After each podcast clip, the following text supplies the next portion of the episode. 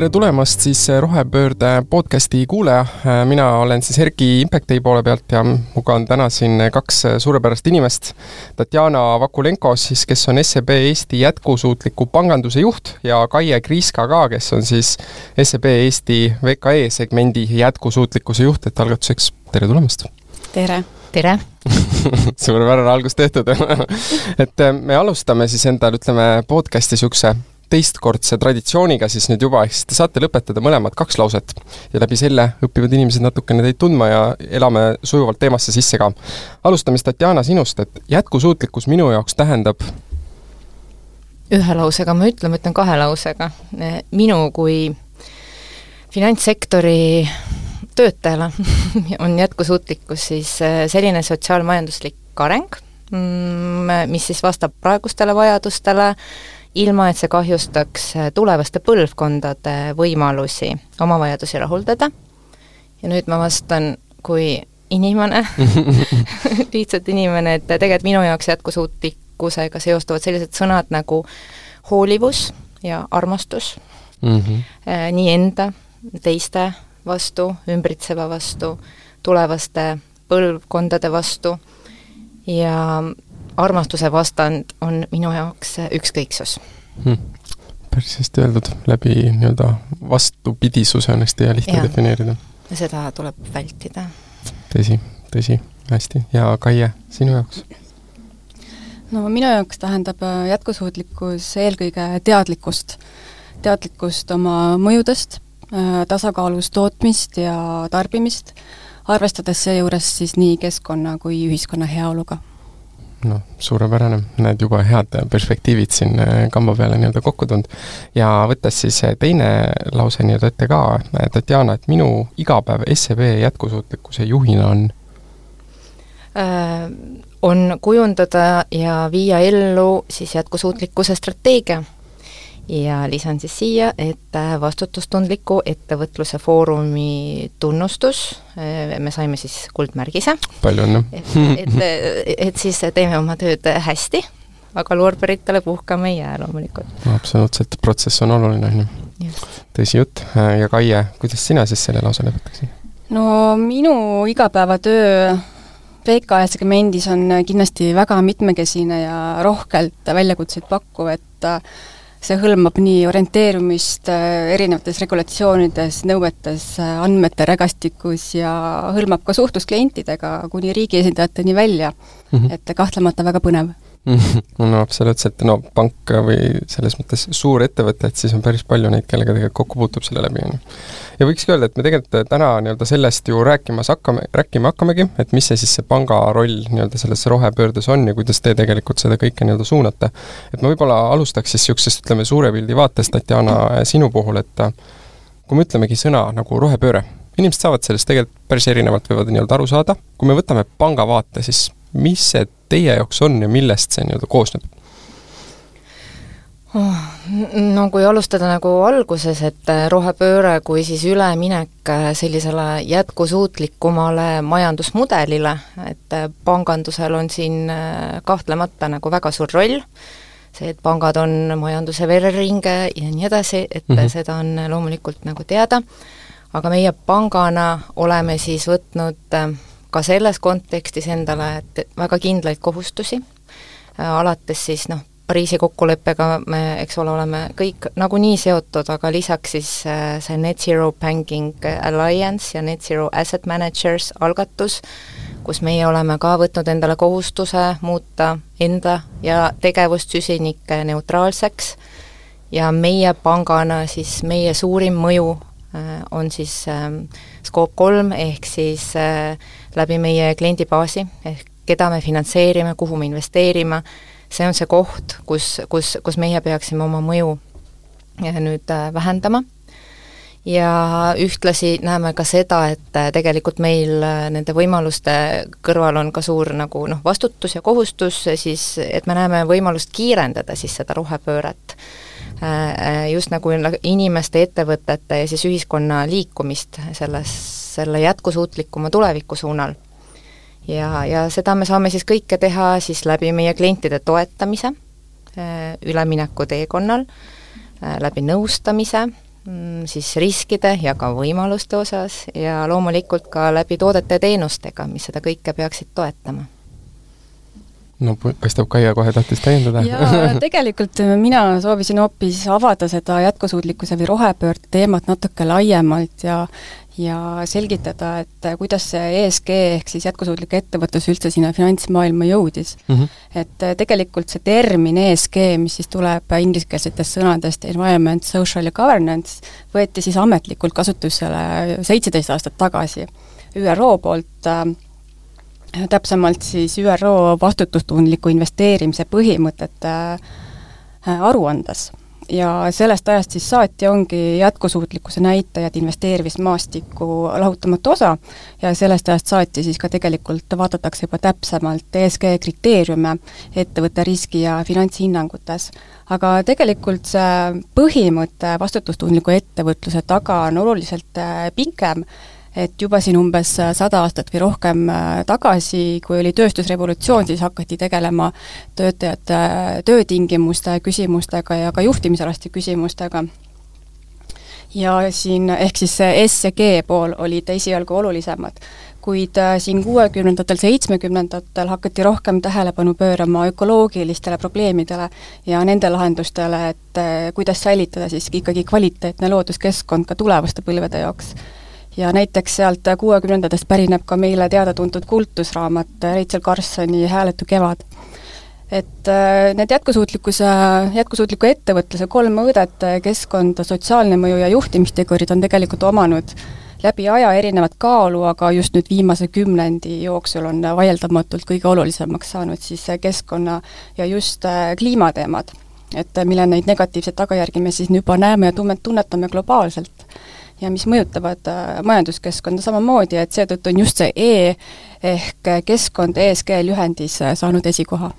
see on päris äh, tegelikult põnev, näed, mis sa ütled, et on ju, et saja aasta eest tegelikult see S-täht ja nii-öelda sotsiaalsed probleemid oli see, mis on oluline nüüd me oleme jõudnud nagu hoopis, hoopis teise kohta. no aga võttes siit siis sujuvalt selle indiviidi vaate juurde ja kuidas sa, ta-, Tatjana, ütlesid ka, et mis sinu jaoks jätkusuutlikkus nagu indiviidina on, et kuidas sa ise indiviidina mõtestad rohepööret? Mulle väga meeldis äh, Raul Rebase mm, arvamus, mida ta hiljuti just kirjutas, kus ta pakkus, et võiks nimetada seda rohepööret ümber elupöördeks. ja et just nimelt rõhutades seda, et, et hetkel ei käi mitte võistlus või võitlus nagu rikkuse kaotamise vastu, vaid just nimelt elu säilitamise eest, et, et ma arvan, et see on niisugune mõtestamise koht, et et me kõik räägime kogu aeg rohepöördest kui, kui, kui jälle võimalusest ühest küljest ja, ja aga teisest küljest ju võiks rääkida ka, et et võib-olla peame päriselt nagu muutma nüüd endas midagi absoluutselt, see on hästi nagu hea paralleel, mida sa tõid, sest ma ei ole nüüd kindel, kas seda ütles nagu Paul Polman, kes siis on varasem Unileveri juht ka, aga, aga meil tiimiliige, kes Londonis Economisti konverentsil nagu osales, siis ka toodi täpselt sedasama asja nagu välja, on ju, et tegelikkuses täpselt see ongi, et me tahame ju, et see liigirikkus ja elurikkus siin on ju säiliks, versus et miskit võetakse kelleltki nagu kuskilt, on ju, ära. aga kui võttagi siis jällegist äh, nagu ütleme, panga vaatesse sellest poolest, sest täpselt noh, te olete nii-öelda vereringe, nagu öeldud on ju sai, et kuidas see nagu olulisus üldse ajas selle teema osas on nagu kasvanud, et millal ta oli tähtsusetu teema, millal ta sai oluliseks, mis aitas seda teha? no selles suhtes, et nagu me siin ka mainisime, siis äh, need kolm valdkonda on äh, läbi ajaloo olnud erineva kaaluga, aga just need globaalprobleemid ja keskkonnateemad finantssektoris on äh, saanud ikkagi olulisemaks siin viimase paari äh, kümnendi jooksul ja noh, tegelikult me ei räägi ju ainult kliima soojenemisest, et me räägime ka siin äh, loodusressursside üleekspluateerimisest ja ja muideks meil Eestis on ületarbimise päev juba märtsis, mis tähendab seda, et pärast seda ei ole enam ressursse, mis taastoodaksid piisavalt palju ja me elame nii-öelda oma tulevaste põlvede nimel arvelt, aga me räägime ka siin jäätmetest, reostusest, mageveeressursside nappusest ja nii edasi, ehk äh, me tegelikult räägime otsesest majanduskahjust, energiajulgeolekust, äh, sunnitud inimeste rändest ja nii edasi, et äh, rohepööre ja, ja see põhjus, miks seda ellu viiakse, ehk siis ikkagi need globaalsed muutused, need ei ole ainult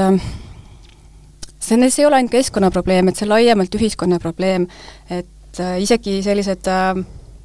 suured äh, muutused ühiskonnas äh, leiavad aset suuresti nagu keskkonnamuutuste tõttu, nagu näiteks äh, kliimamuutused ka destabiliseerivad koli-, geopoliitilist olukorda, et kui me mõtleme tagasi siin kaks tuhat üksteist aastale, Araabia kevadele, siis ka see näiteks sai suuresti alguse just äh, kliimamuutustest tingitud äh, pika, pikast põuast seal Lääne-Aasias, Iraagi, Süüria piirkondades. et, et me näeme, kuidas see, see teema nii-öelda imbub horisontaalselt kõikidesse, kõikidesse valdkondadesse mm. -hmm ja ma lisan äkki siia ka seda, et mm, räägime hästi palju jah, keskkonnateemast, aga võib-olla meil siin Eestis on selles mõttes suhteliselt hästi läinud ikkagi, et see kliima soojenemine meid otseselt äh,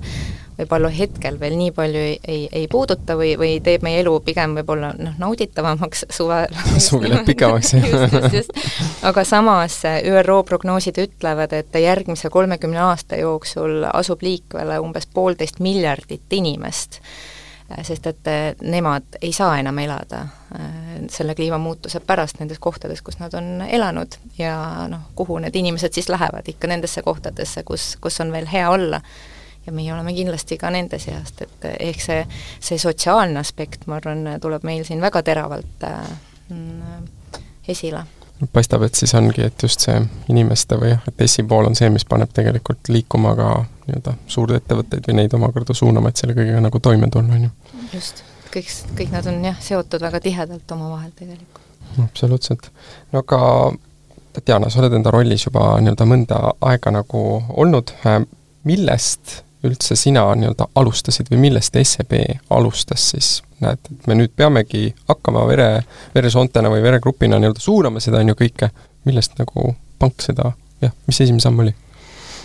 Äh, noh, meie õnneks, ütlen ma, äh, oleme me ikkagi osa siis äh, SEB grupist, mis on siis suur avalikult siis noteeritud Skandinaavia juhtiv pank ja mm, üldiselt äh, SEB on andnud äh,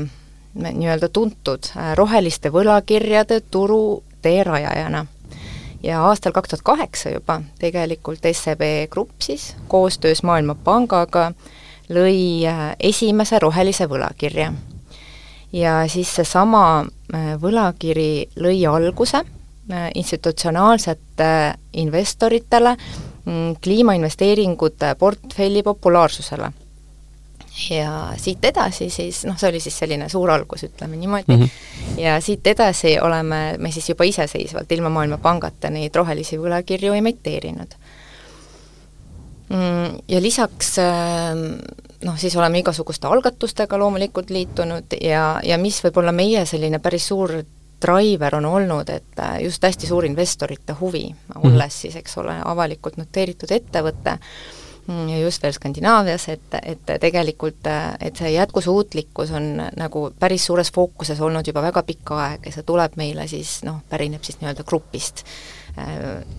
kui nüüd mina alustasin tööd, ma küll väga pikalt veel selle positsiooni peal ei ole, aga pangas ma olen juba pikemat aega olnud, siis kõik see asi tegelikult siin Baltikumis sai alguse äh, sellest noh, mõtestamisest, okei okay,, et mis siis on meie mõju. siis ma mäletan, istusime seal, mõtlesime, see oli veel aastaid ja aastaid tagasi, ja siis noh, siin, siis me jõudsime nagu selleni, et tegelikult see meie päris mõju, kuidas me päriselt suudame äh, ühiskonda nagu mõjutada, ongi siis läbi meie toodete-teenuste, mm, läbi siis selle läbipaistvuse, et me oleme justkui noh, politsei rollis ka natukene, et, et, et jah, see raha liigub, aga kuhu ta liigub ja kui turvaliselt ta liigub kuni siis innovatsiooni nagu toetamiseni välja. ja kui alguses äh, kogu see noh, jätkusuutlikkuse strateegia, ta oli selline võib-olla natuke teoreetilisem või noh, ta oli laialivalguvam natukene alguses, et nojah, et meie mõjud ja ja käisime, rääkisime sellest ja siis üritasime oma nagu noh, mõtteviisi siis seda integreerida siis nüüdseks on need asjad äh, läinud palju-palju konkreetsemaks. Mm -hmm.. noh, ka, ka üldse maailmas on ka kogu see jätkusuutlikkuse teema ju kogu aeg areneb ja, ja muutub konkreetsemaks, nii ka meil on kindel strateegia, äh, mis on sõnastatud konkreetselt,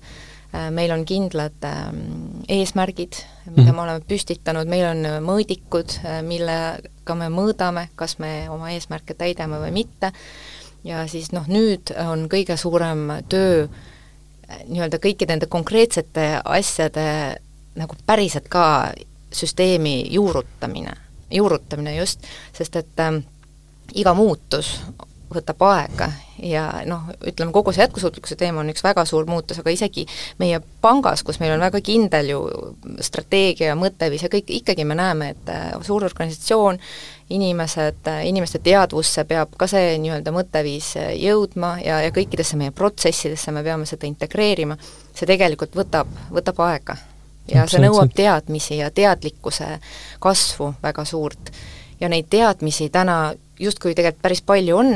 aga samas nad on kõik noh, niimoodi laialivalguvad ja, ja tegelikult seda konkreetsust on noh, see võtab aega ja, ja see nõuab päris palju tööd edukad praktikad alles nii-öelda tekivad, mida nagu järgida. et nüüd on aeg see nagu päriselt ka ellu viia, kõik need äh, nagu põhimõtted, milles me oleme justkui nagu kokku leppinud ja aru saanud ja alla kirjutanud ja nõustume nendega, et nüüd, kuidas see päriselt ka töötab, et vot see on nüüd see päris töö. jaa, jah, et rääkida oskame, et teeme samme, samme ka, on ju. just no aga näed, siin oli selles mõttes Tatjana nagu head perspektiivi on ju tõi, et noh, ühelt poolt ongi hea on olnud, me oleme Eestiga või Baltikumiga päris heas kohas, et meil on siin Põhjamaad ees, kellelt nagu on tegelikult on ju lihtne õppida ja näed, juba investorid sealt seda nii-öelda nagu soovisid. aga võtame siis näed selle sinu äh, rolli, äh, Kaia, nii-öelda ka, et kui me võtame siis väike ja keskmise suurusega ettevõtted, neil võib-olla ei ole endal oma jätkusuutlikkuse juhti, tiimid on pisemad, samal ajal ikkagist need teemad on samamoodi nagu olulised et kuidas sinu rollis see algus on nii-öelda olnud ja millest tuli või peab alustama? Eh, jah, tõsi ta on, et äh, see teadlikkus või see teema keskkonna ja, ja jätkusuutlikkuse ettevõtluse surve ei ole veel väike ja keskmise suurusega sektoris, ettevõtete sektoris nii tugev äh, võrreldes suurettevõtetega, aga reaalsus on see, et kõik ettevõtted peavad kaasa tulema nende majandusarengutega ja, ja uute regulatsioonide ja nõuetega ja nende eesmärkidega eelkõige, mis meil siin on seatud, kliimaneutraalsuse eesmärk ja nii edasi Euroopa Liidus, aga ka globaalselt. Eh, ehk siis igaüks saab olla, peab olema kaasatud. Ka, ka see väike ja keskmise suurusega ettevõte. Ja kui me siin räägime nüüd regulatsioonidest juba täpsemalt, siis jah, esialgu äh, need olulisemad äh, direktiivid, nagu näiteks äh, kestlikkusaruandluse direktiivi ja nii edasi, puudutavad otseselt küll suurettevõtteid, aga kindlasti läbi väärtusahela need jõuavad ka väike ja keskmise suuruse ettevõtteni välja. et seetõttu kahtlemata on vaja tõsta seda teadlikkust ka VKE segmendis ja see ongi minu töö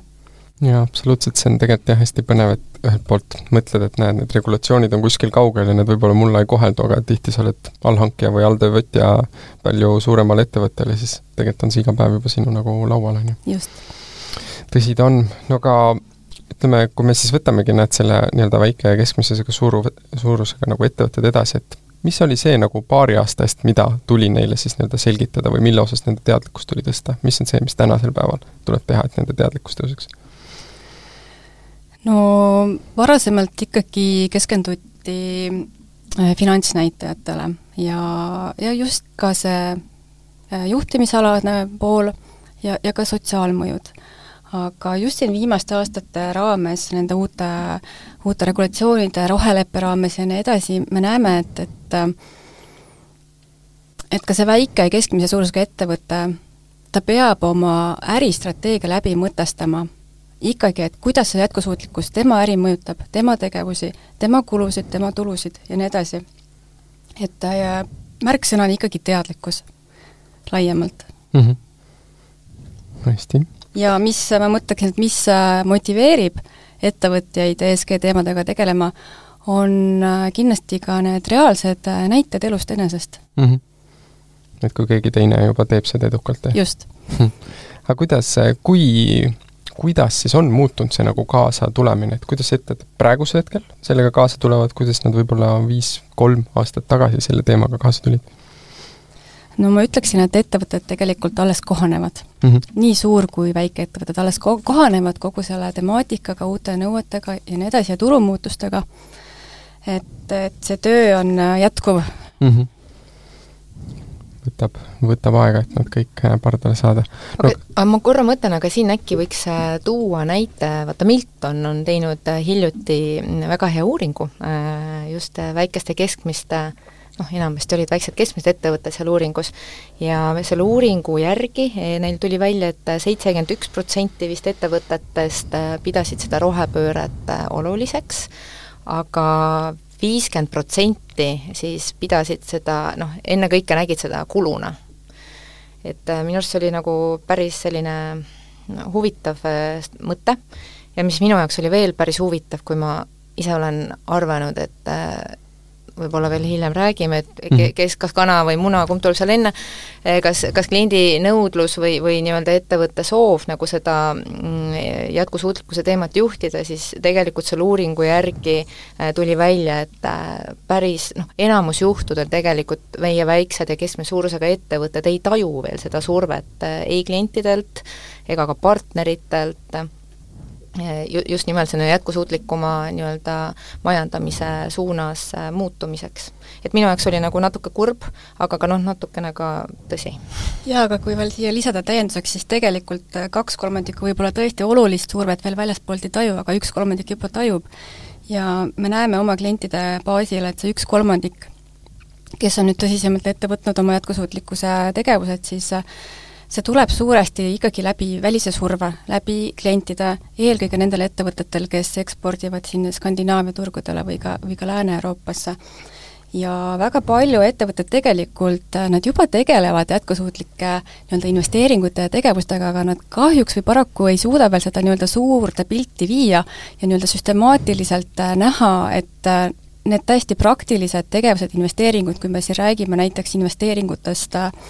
taastuvenergiasse, energia ja ressursitõhususe tõstmisse, et need on kõik osa jätkusuutlikust äh, ettevõtlusest, samamoodi oma töötajate hoidmine, koolitamine, see on ka üks osa jätkusuutlikust ettevõtlusest. et äh, ma julgeksin väita, et ettevõtted äh, tegelikult jaa, tõesti, nad, nad juba tegutsevad äh nende SG teemadega, aga võib-olla mitte nii-öelda süstemaatiliselt ja võib-olla isegi mitte alati nii eneseteadlikult, aga eesmärk on eelkõige ikkagi praktilised põhjused, miks siin kestlikkusega tegeleda ja, ja see kahtlemata ka jääb, see praktiline põhjus. absoluutselt, et see peab lõpuks tulemustes kuidagi on ju väljendama, et ega muidu ei oleks seda nagu mõtet teha. No aga Tatjana, sa juba tõid selle kana ja muna üles, et kumb siis ennem oli, kas tarbija tahab või ettevõte, ettevõte peaks suunama? no vot, me siin Kaiega just enne ka arutasime nagu sellel teemal, aga siin nagu head vastust ei ole. aga üldiselt ma arvan, et kuna tegemist on mõlemalt poolt nagu inimestega, on ju, et alustaks nagu, nagu sellest, et ka tarbija on ettevõtja, ettevõtja on ka tarbija. et, et need asjad käivad käsikäes, aga ma arvan, et üldiselt äh, võiks alustada nagu sellest mõtestamisest, et äh, miks mul seda vaja on ja mis asi on jätkusuutlikkus. Eesti keel on ilus keel, sõna otseses mõttes jätkusuutlikkus, kas sa suudad nagu jätkata oma äriga viie kümne aasta pärast. ja see on väga praktiline ju tegelikult mõtestamine, mida iga siis ettevõtja ilmselgelt ju soovib teha oma äris. ja kui siit lüüa need asjad nagu veel omakorda noh, lahti, siis siis sellised küsimused nagu kas mul on kliente viie aasta pärast, kui ma ei muuda täna mitte midagi, nii, see on üks küsimus, teine, kas mul on koostööpartnereid, kes soovivad mulle midagi tarnida või mina kellelegi tarnin, jah, ei kas pangad soovivad mind finantseerida viie-kümne aasta pärast, eks ole, kas ma suudan eksportida ja kas mul on üldse töötajaid, kas need noored äh, talendikad inimesed soovivad mulle tööle tulla? Jaa, ja kui ma võin veel täiendada siin just selle talentide meelitamise ja hoidmise koha peal, äh, see on üks väga oluline nii-öelda see väline üks viiest sellest olulisest äh, välisest tegurist, mis Äh, kannustab siis ettevõtjaid tegelema oma jätkusuutlikkuse teemadega, sest kui me mõtleme praegusele tööturule siis, siis äh, kolmkümmend protsenti äh, praegusest tööjõust on ikkagi millenniumi põlvkond ja kakskümmend protsenti veel nii-öelda Z-põlvkond, kes on sündinud kaks tuhat ja hiljem,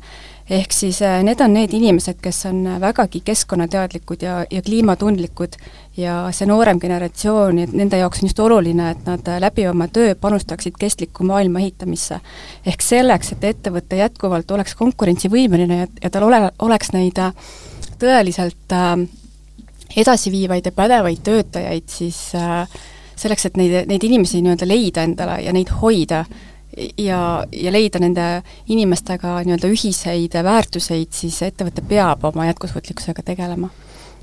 aga siia võib-olla lisaks ka veel selle, äh, et äh, kui, kui me räägime, et see ettevõtja on ise ka inimene, ju vist on tõesti, jah.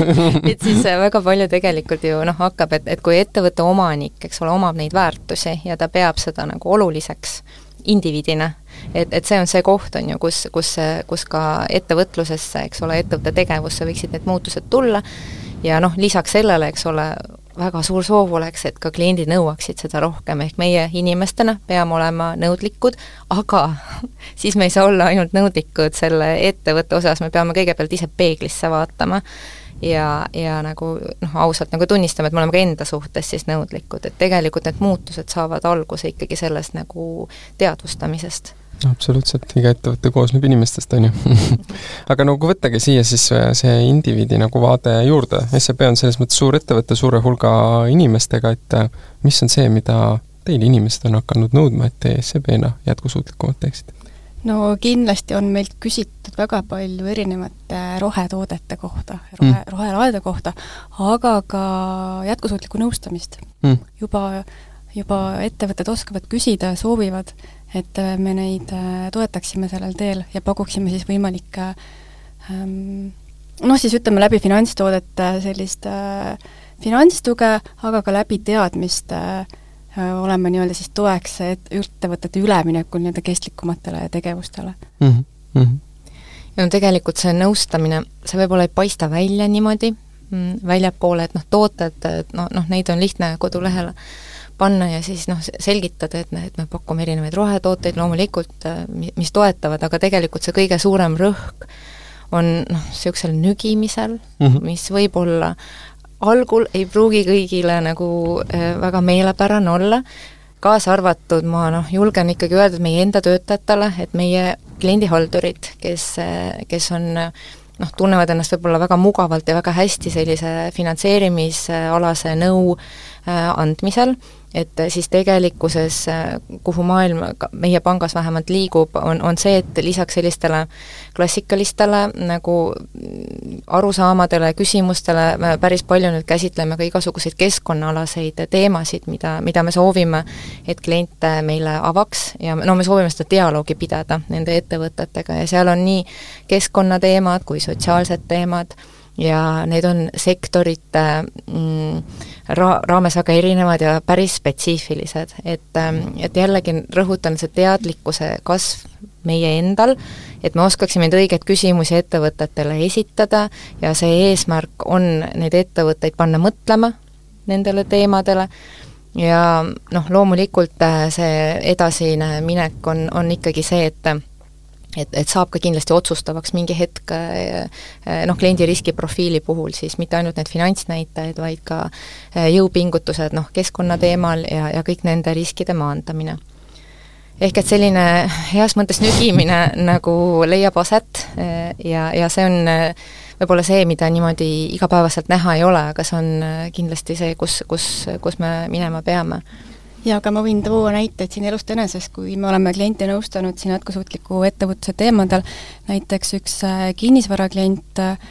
kelle puhul me näitasime tema varade asukoha ja et äh, tõime sinna kõrvale siis üleujutuste ohukaardi, et klient oli väga teadlik sellest, et jah, üleujutused võivad seal piirkonnas olla, mida ta aga ei osanud vaadata, olid näiteks kuumasaared mis samamoodi hakkavad mõjutama tema tagatisvara tulevikus. et äh, võib-olla me siin või avame selliseid uusi teemasid äh, klientidele, mille peale nad ise ei ole varem tulnudki, ehk siis me aitame klientidel ka paremini seda riski hindamist läbi viia. et kui me vaatame siis nii neid füüsilisi kliimariske kui ka üleminekuriske seoses regulatsioonidega ja ma täiendan, Kai, et, selles mõttes see riskiteema on minu arust üldse väga põnev, et, et noh, kui me räägime üldse panganduse rollist, siis üks asi on see kapitali suunamine, eks ole, see on, see on üks pool, ja nõustamine, aga teine pool on just nimelt see riskianalüüs, sest et noh, pangad ju tegelevadki noh, paljuski nagu just riskide juhtimise ja maandamisega. ja, ja mis on väga, väga põnev, kõik see keskkonnaalased need äh, kahedimensioonilised äh, riskid, ehk sisuliselt äh, lisaks siis nagu finantsriskidele, et nüüd vaatame, et üks asi, kuidas siis ettevõte mõjutab keskkonda, eks ole, mis riskid meil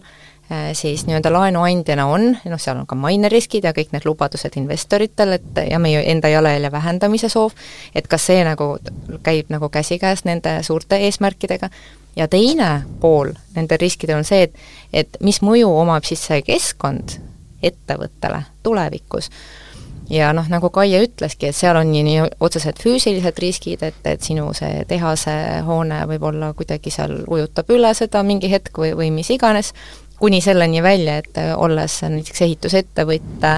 et äh, paarikümne aasta pärast, kui temperatuur tõuseb äh, seal paari kraadi võrra, kas sinu töötajad suudavad äh, kümme tundi õues tööd teha, võib-olla nad muutuvad vähem produktiivseks ja siis, ja, ja teistmoodi riskid on siis needsamad üleminekuriskid, mida Kaie ka mainis, ehk et, et kuidas siis tarbijate vajadused ja nõudmised võivad ajas muutuda, kuidas uued tehnoloogiad tulevad asemele, kuidas uued regulatsioonid sinu tegevust mõjutavad. ehk meie pangana tegelikult peame kõik need riskid võtma arvesse, selleks me koostöös klientidega siis vaatame neile kõigile peale ja ma arvan, et siin on päris palju selliseid äh, nagu põnevaid avastusi ka klientide poole peal olnud, et ma arvan, see on nagu väga-väga kasulik äh, tegelikult, et me äh, seda teemat nagu nii laiemalt käsitleme moodsa aja selgeltnägijad paistavad siin laudadega istuvat, et tuleb suuta kaugele näha, mis, mis realiseeruma hakkab. Aga kui võtta, võttagi siis siit tegelikult kinni, et seda teadmust on hästi palju, on ju, ja me räägime, näed siin sellest äh, rohepöördest, et kuidas pank seda nagu suunab, aga et mis on siis mõni samm rohelisema poole, mis te mõlemad isiklikult olete teinud läbi selle, mis te olete õppinud või avastanud, teadlikumaks saanud? no vot, ma siin peangi ausalt tunnistama, et ma olen inimene ja ma, mul ei ole hõisata, et eh, ma, ma ei ole jah, väga selliseid drastilisi samme eh, teinud. mida ma olen teinud, ma olen hakanud mõtlema nagu väga palju ja ma olen hakanud märkama tänu sellele, et ma nüüd mõtlen rohkem. ja ma arvan, sellised väiksed sammud üldiselt eh, ma, ma märkan ja ma teen, aga ma ei tea, kas nad käivad just nagu rohepöördega, see on pigem seesama nagu selline hoolivuse nagu mõttekäik, et et noh, kui sa kõnnid ja sa näed, et tee peal inimene istub, kukub, et noh, sa kas kõnnid tast mööda või sa lähed aitad. ja nii ka kõikides noh, muudest küsimustest, alates prügi sorteerimisest, et et kui suur vahe on, et noh, viskad sa selle plasti siia või sinna. aga noh, kui sa jälle natuke mõtled, et mis sellest edasi saab, et kas sa hoolid nii-öelda loodusest ja, ja kõigest sellest teemast, et siis võib-olla nagu mõtestad rohkem neid äh, tegevusi. ja noh, olen vähem tarbima hakanud mis ma arvan, ongi kõige raskem meile kõigile, et kuidas nagu öelda lahti sellistest äh, nagu mugavatest asjadest ja ja noh, stressi maandamine ei pea olema shoppamine, eks ole, see võib olla ka looduses jalutamine ja puhkus ei pea tähendama tingimata välismaa reisi, et siin Eestis on meil väga-väga ilus ja tore.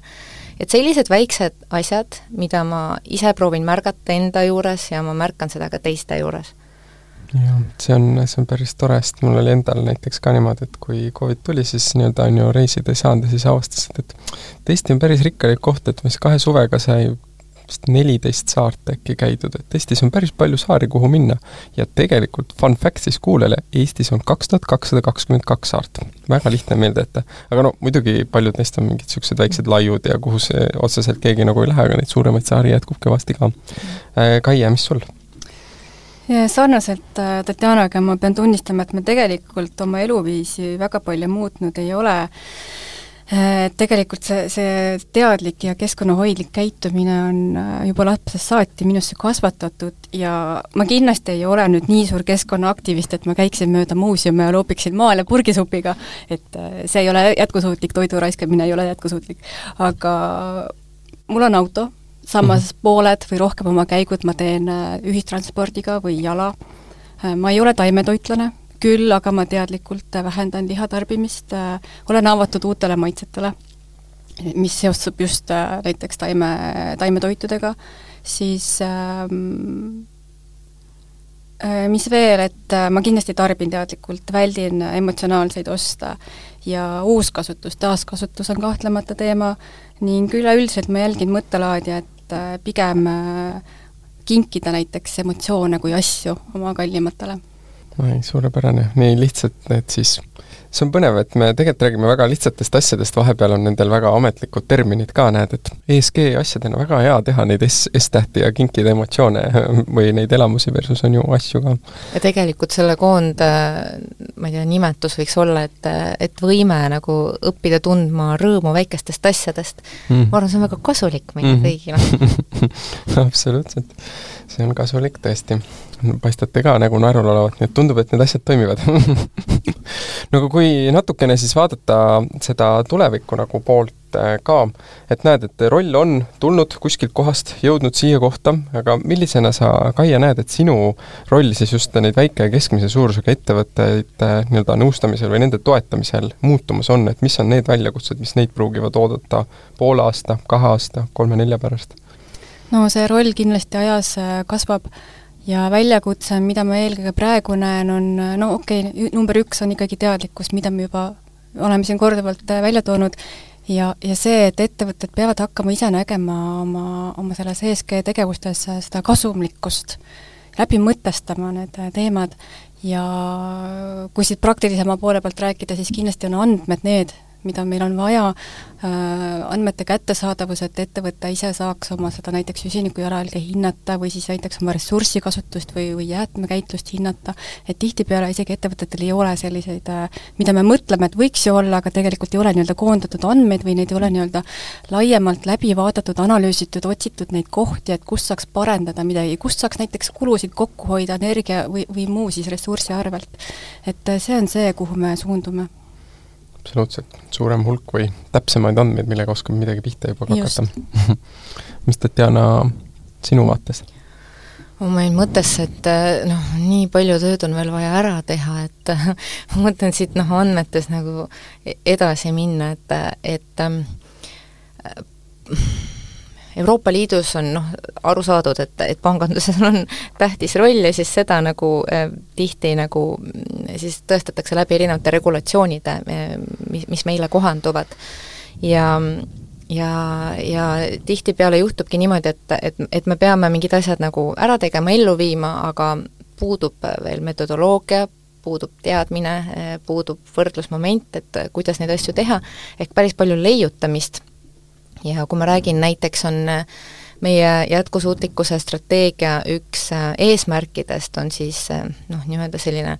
üleminek. ja see eesmärk tähendab seda, et me, me tahaksime kaardistada ära kogu meie kliendibaasi äh, finantseeritud äh, siis äh, portfelli jalajälge ja me tahaksime koos klientidega siis läbida selle Pariisi äh, trajektoori ja, ja siis vähendada seda, minna siis süsinikneutraalseks, aga selleks, et sellel teekonnal kliente toetada, meil on vaja neid lähteandmeid, et me peame kõigepealt ära kaardistama, kus me täna oleme, et ja siis kuhu me tahame minna ja siis meie tahaksime nagu toetada ja aidata sellel teekonnal olla. aga no nagu Kaie ütleb, et ähm, noh, me, me väga tahame seda teha ja tegelikult me peaksime ka Euroopa Keskpangale raporteerima, eh, kuidas läheb, aga, aga neid andmeid lihtsalt ei ole täna. et eh, ma arvan, et kogu see andmete nagu infrastruktuuri üles ehitama, kogu panga sisemiste protsesside nagu sättimine ja seadmine, see on veel väga-väga pikk tee nii et ma arvan, seda tööd praegu jätkub veel päris pikaks ajaks ja see teadlikkuse noh, kasvatamine, et kuidas töötada välja sellised muge-, mugavad äh, instrumendid, äh, mis, mis aitaksid nii meid kui ka meie kliente, kuidas tulla välja mingite uute innovaatiliste, ma ei tea, toodete, teenustega, et kuidas neid paremini toetada, et et äh, seda tööd, ma arvan, veel jagub meil mõndaks, mõneks ajaks. mõneks ajaks. no loodame. aga kui võttagi siis ütleme, SEB on ka, ongi suur, on ju, ettevõte, et kelle pealt äh, SEB-na või ka mitte SEB-na äh, hea õppida nagu selle teema osas, kust mingeid häid näiteid veel ammutada, paremaks saada? no meil on ikkagi eeskujuks äh, grupp laiemalt,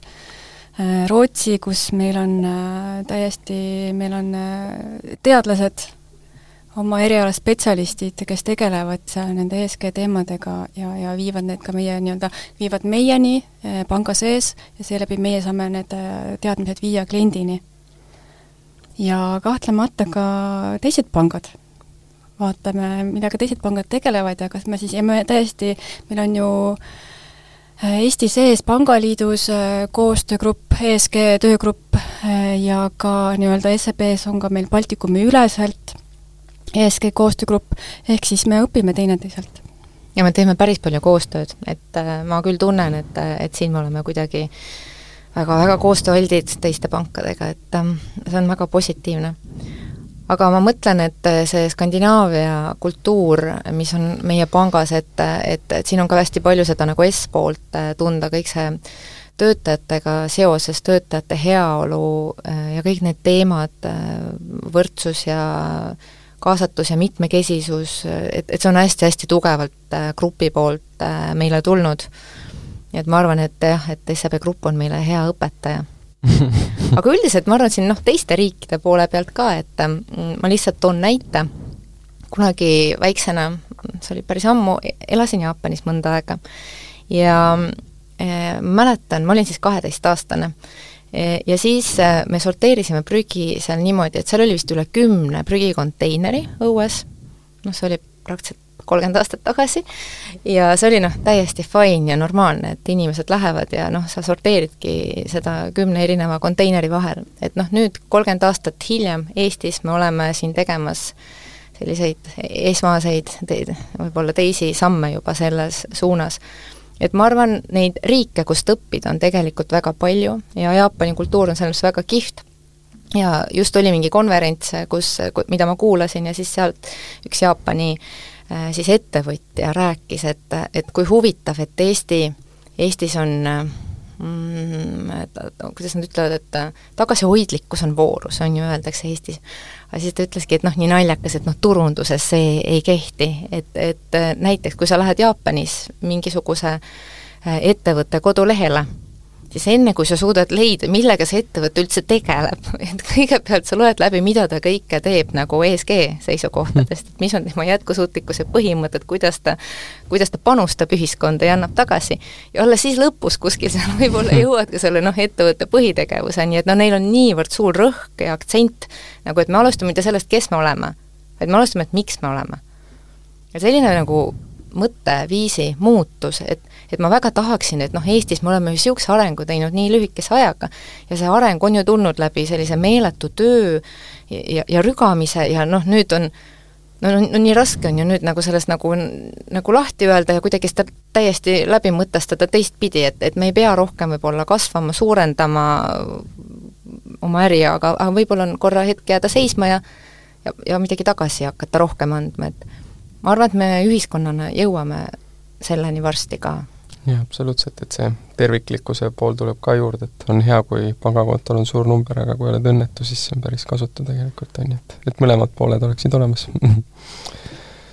Hästi, hästi, no aga sellega sujuvalt, äh, ma arvan, me oleme siin lõpupoole ka jõudmas ja meil äh, lõpus äh, on ka siis nii-öelda kaks traditsioonilist küsimust, millele vastata, et alustame siis Kaia esimese küsimusega sinust, et mis on üks raamat, mida kõik lugeda võiksid või lausa peaksid? No mida ma oskan siin soovitada, võib-olla sellise laiema temaatika avamiseks äh, võiks lugeda selliseid raamatuid nagu Bill Gatesi Kuidas ära hoida kliimakatastroofi või siis Kaia Vintsi Nomaadide sajand, aga tegelikult kuna rohepööre on äh, minu meelest eelkõige mõttemaailma muutus, siis äh, psühholoogial on siin äh, kõige suurem roll ja seetõttu ma soovitan väga lugeda ja kuulata meie oma haridus- ja keskkonnapsühholoogi Grete Arro esinemisi ja artikleid. absoluutselt, teda võib näha ka mõnel toredal sündmusel Tatjana? Äh, kui mina alustasin ähm, jätkusuutliku panganduse juhina, siis esimene raamat, mis ma kätte võtsin, oli Vaklav Smill, Arvud ei valeta,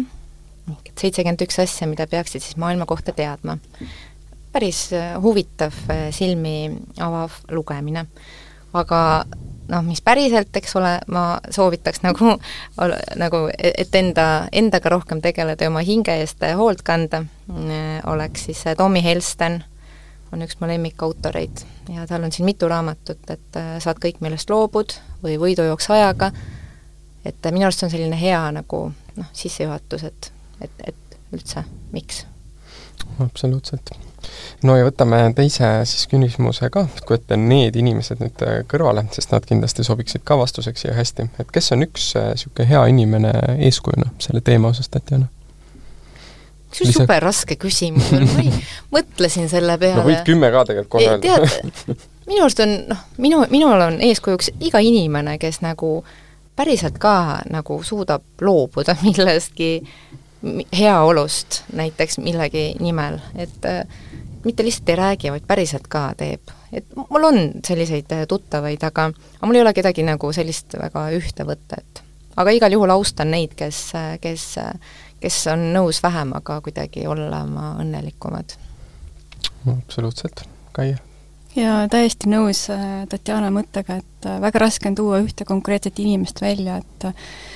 pigem ma vaatan ka inimesi enda ümber ja ja kui ma näen, et nad teevad sellist, nad on nagu oma teadlikkuses juba äh, nii-öelda kõrgemal, kõrgemal tasemel või ühesõnaga täiesti teadlikult teevad oma valikuid